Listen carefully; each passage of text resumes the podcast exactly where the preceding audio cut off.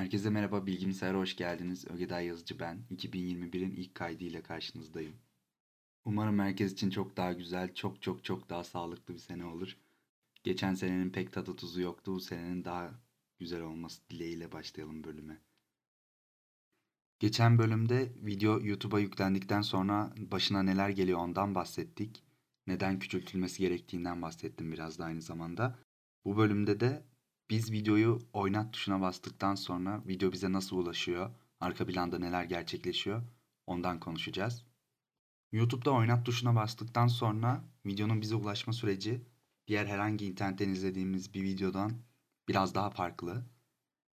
Mesela bir kişisel web sitesi düşünelim. Oraya gömülü olan bir videoyu oynat tuşuna bastığımızda aslında web browser'ın yapacağı şey o videoyu direkt olarak indirip bize oynatmak olacak. Fakat YouTube'da ve bugün günümüzün birçok modern streaming servislerinde bu işlem artık böyle işlemiyor. Aslında bundan bir 13-14 yıl önceye kadar YouTube'da da aynı bu şekilde izleniyordu videolar. Ama geçen bölümde bahsettiğim istatistikleri hatırlarsanız eğer elbette günümüzde bu sistemle videoyu dağıtmak mümkün değil.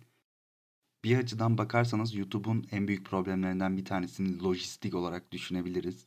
Burada tabii internet ağı üzerinden yapılması gereken bir lojistik söz konusu. Burada da tıpkı kargo şirketlerinde olduğu gibi bir dağıtım ağı problemi söz konusu. YouTube buna kendi kendi ismini vermiş. İçerik dağıtım ağı diyor buna. Bilgisayar ağlarının yeni yeni geliştiği, yeni yeni ortaya çıktığı dönemlerde şey aslında ciddi ve mantıklı bir soruymuş. Ya bunu ağ üstünden bir diğer bilgisayara aktarmak mı mantıklı? Yoksa acaba bunu bir diskete yüklesek de ofisteki çocuğa versek, gidip karşı ofise bıraksa mı daha mantıklı? Hangisi daha hızlı olur? Bu mantıklı bir soruymuş. Çünkü ağ sistemleri yavaşmış o zaman. Başta daha yeni geliştiği için. Ve çoğu zaman aslında bir diske yükleyip bir çocukla diğer ofise göndermek daha mantıklı ve daha hızlı bir çözüme ulaşıyormuş. Daha hızlı bir çözüm sunuyormuş. Bugün YouTube'da tek bir videoyu milyonlarca kişi izliyor. Milyonlarca kişiye bu videoyu dağıtmanın da aslında benzer bir sorun olduğunu söyleyebilirim size. Yani dijital bir şekilde ağ üstünden gerçekleşiyor ama aslında yapılan işlem yine bir kişinin bir videoyu eline alıp videoyu içeren bir disk gibi depolama alanını eline alıp kapı kapı dolaşıp buyurun videonuz demesinden çok da farklı değil. Bunun daha soyutlanmış hali diyebiliriz aslında. Günümüzde YouTube şöyle çalışıyor. Hatırlarsanız size bahsetmiştim. Video yüklendikten sonra işlenirken 360p, 480p gibi farklı çözünürlüklerde birden fazla hali saklanıyor. Ve aslında bu hali de yine 5 saniyelik parçalar halinde birden fazla videonun bir araya gelmesiyle bize sunuluyordu. Yani 5 saniyelik küçük parçalar halinde saklanıyor bu video YouTube sunucularında, Google data center'larında diyeyim. Bu sayede siz izlerken dalgalı bir geniş band bağlantısı üstündeyseniz, Türkiye'deki çoğu bağlantıda olduğu gibi yani sürekli değişken bir internet hızına sahipseniz, internet hızınız yavaşladığında ya da Wi-Fi üstünden kullanıyorsanız Wi-Fi'niz blurlaştığında daha kalabalık hale geldiğinde sinyaller doğal olarak indirme hızınızda birazcık düşme yaşanıyor. Video izlerken bu yükleme dairesiyle karşılaşmamanız için YouTube buna şöyle bir çözüm bulmuş. Diyelim siz videoyu izlemeye 1080p başladınız. internet hızınız gayet iyiydi. Ama sonrasında Wi-Fi ağınızda bir dalgalanma yaşandı. Bu noktada YouTube hemen videonun bir sonraki indirilecek olan parçalarını ondan şu ana kadar indirdiklerinden sonra indirmesi gereken parçalarını diyeyim bir düşük çözünürlükte indirmeye başlıyor. Yani 1080p izliyorsanız 720p'ye düşünüyor. Ve böylece videoyu kesintisiz bir şekilde yakalamanıza olanak sağlamış oluyor. Videoyu kesintisiz bir şekilde izlemeniz YouTube için neden bu kadar önemli? Çok daha ayrı bir bölümün konusu olabilir aslında. YouTube'u bir reklam şirketi gibi düşünebilirsiniz. Kullanıcılarının yani izleyicilerin deneyimi YouTube için baya önemli. Can damarı bizim memnuniyetimiz diyebiliriz. Çünkü bugün YouTube'u bırakıp başka bir yere geçmemiz YouTube'un sonu demek. Buraya kadarki sistem çok mantıklı elbette. Herkesin aklına yatmıştır diye düşünüyorum parça parça bir şekilde videoların indirilmesi. Fakat bunun dışında YouTube'un yaptığı çok daha akıllıca bir yöntem daha var. Hani anlatmıştım ya YouTube'un yaptığı şey aslında kapı kapı dolaşıp buyurun videonuz demekten farklı değil dedim az önce. Burada şöyle düşünelim. Bu kapı kapı dolaşan adam size ne kadar yakınsa aslında videoyu size ulaştırma hızı, videoyu sizin kapınıza getirme hızı da bir o kadar hızlı olacaktır. Yani Ankara'dan Ankara'ya giden bir kargo genelde bir gün içinde teslim ediliyor. Ama başka bir kargo düşünelim mesela atıyorum Diyarbakır'dan geliyor olsun. genelde bir tık daha uzun sürüyor İstanbul'dan ya da Ankara'dan Ankara'ya gelen bir kargoya göre. Çünkü ağ dağıtım sistemi ona göre optimize edilmemiş. Orada ağ dağıtım sistemindeki ana amaç en çok kargo çıkan yerden en çok kargo teslim edilen yere olan yoğunluğu karşılamak olduğu için ona göre tasarlanmış sistem. Aynı bu şekilde düşünebiliriz YouTube'un sistemini de. YouTube bu konuda birçok iş ortağı edinmiş. Tam olarak isimlerini bilmiyoruz ama dünyanın farklı yerlerinde belki Türkiye'de de vardır. Küçük küçük data center'lar aldığını düşünün bunun. Bu sayede bir bölgede izlenen, fazlaca izlenen bir video varsa o bölgenin data center'ında saklanıyor. Yani Türkiye'de izlenen videolar aslında konum olarak bilgisayar ağları üstünde de Türkiye'ye daha yakın. Yani videonun fiziksel olarak saklandığı disk de Türkiye'ye daha yakında bir yerde duruyor. Yeni bir video yüklendiğini düşünelim. İlk yüklenen video elbette ki Google'ın data center'ına yükleniyor. Daha sonrasında Türkiye'den bir kişi bu videoyu izlediğinde ve arkasından tabii takip eden birkaç kişi daha izlediğinde YouTube bir süre sonra şeyin farkına varıyor. Ya bu video burada çok izleniyor. Benim orada acil durumlar için, acil durum demeyeyim de daha hızlı iletim için depoladığım bir sunucum vardı. Bu videoyu burada barındırayım. Buradaki insanlara daha hızlı bir şekilde iletebileceğim bu şekilde diye düşünüyor. Ve videoyu orada da barındırmaya başlıyor.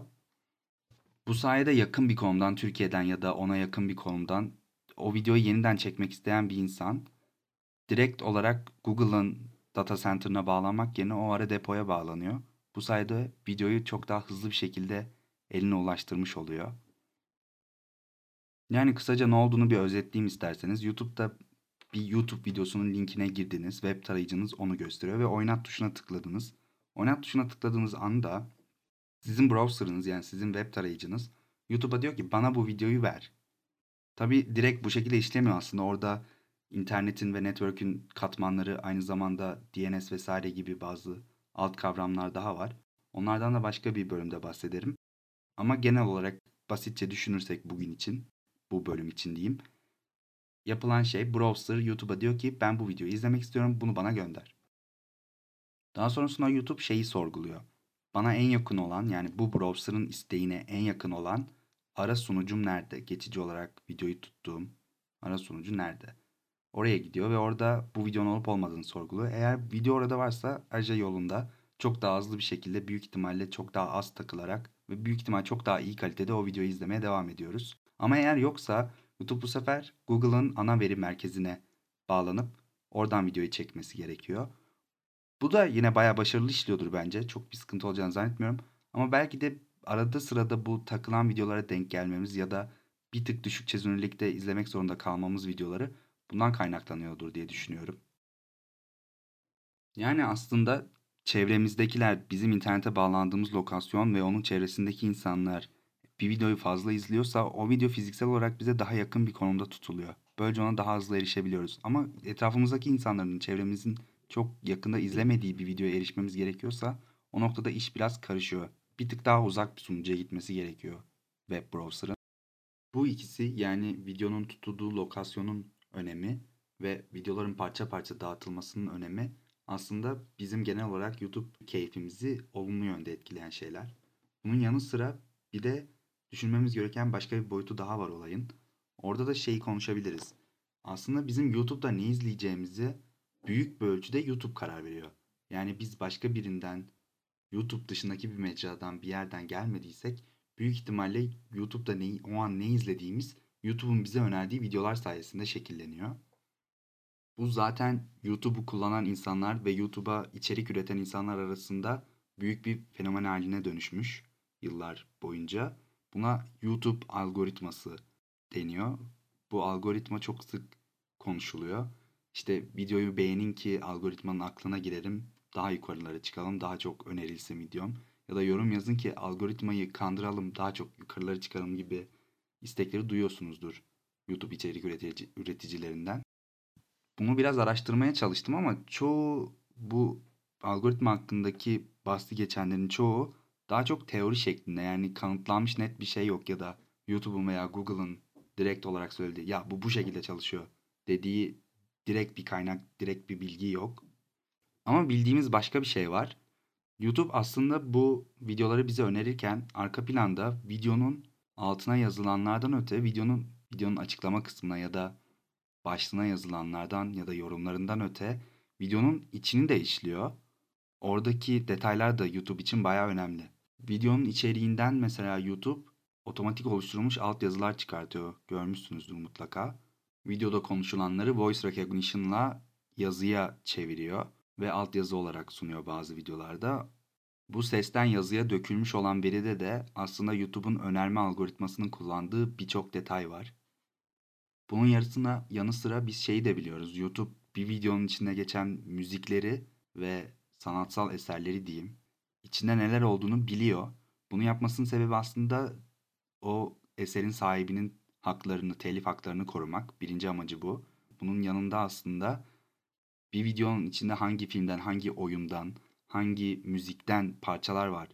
Bunun da farkında olduğu için önerme şekli de aslında buna bununla bağlantılı olarak ciddi şekilde şekilleniyordur YouTube'un diye düşünüyorum. Sadece ben düşünmüyorum hatta bunun kanıtları da var. Bu önerme algoritması da tabii ki ayrı bir konu. Ama dediğim gibi yine bu videonun işlenmesi sürecinde, geçen bölümde bahsettiğim süreçte aslında bunları da yapıyor ve bu da bizim izleme deneyimimizi doğrudan etkileyen etmenlerden bir tanesi.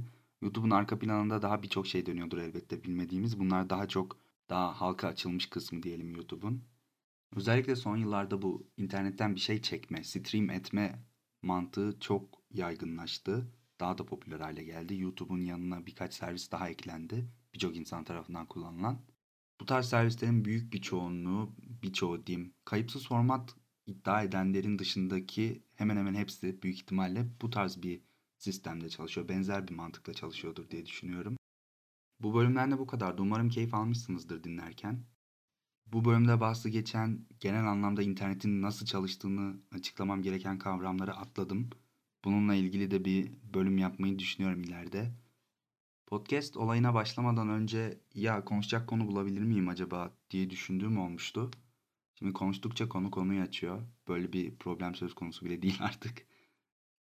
Ben yaparken çok eğleniyorum. Umarım siz de dinlerken eğlenmişsinizdir.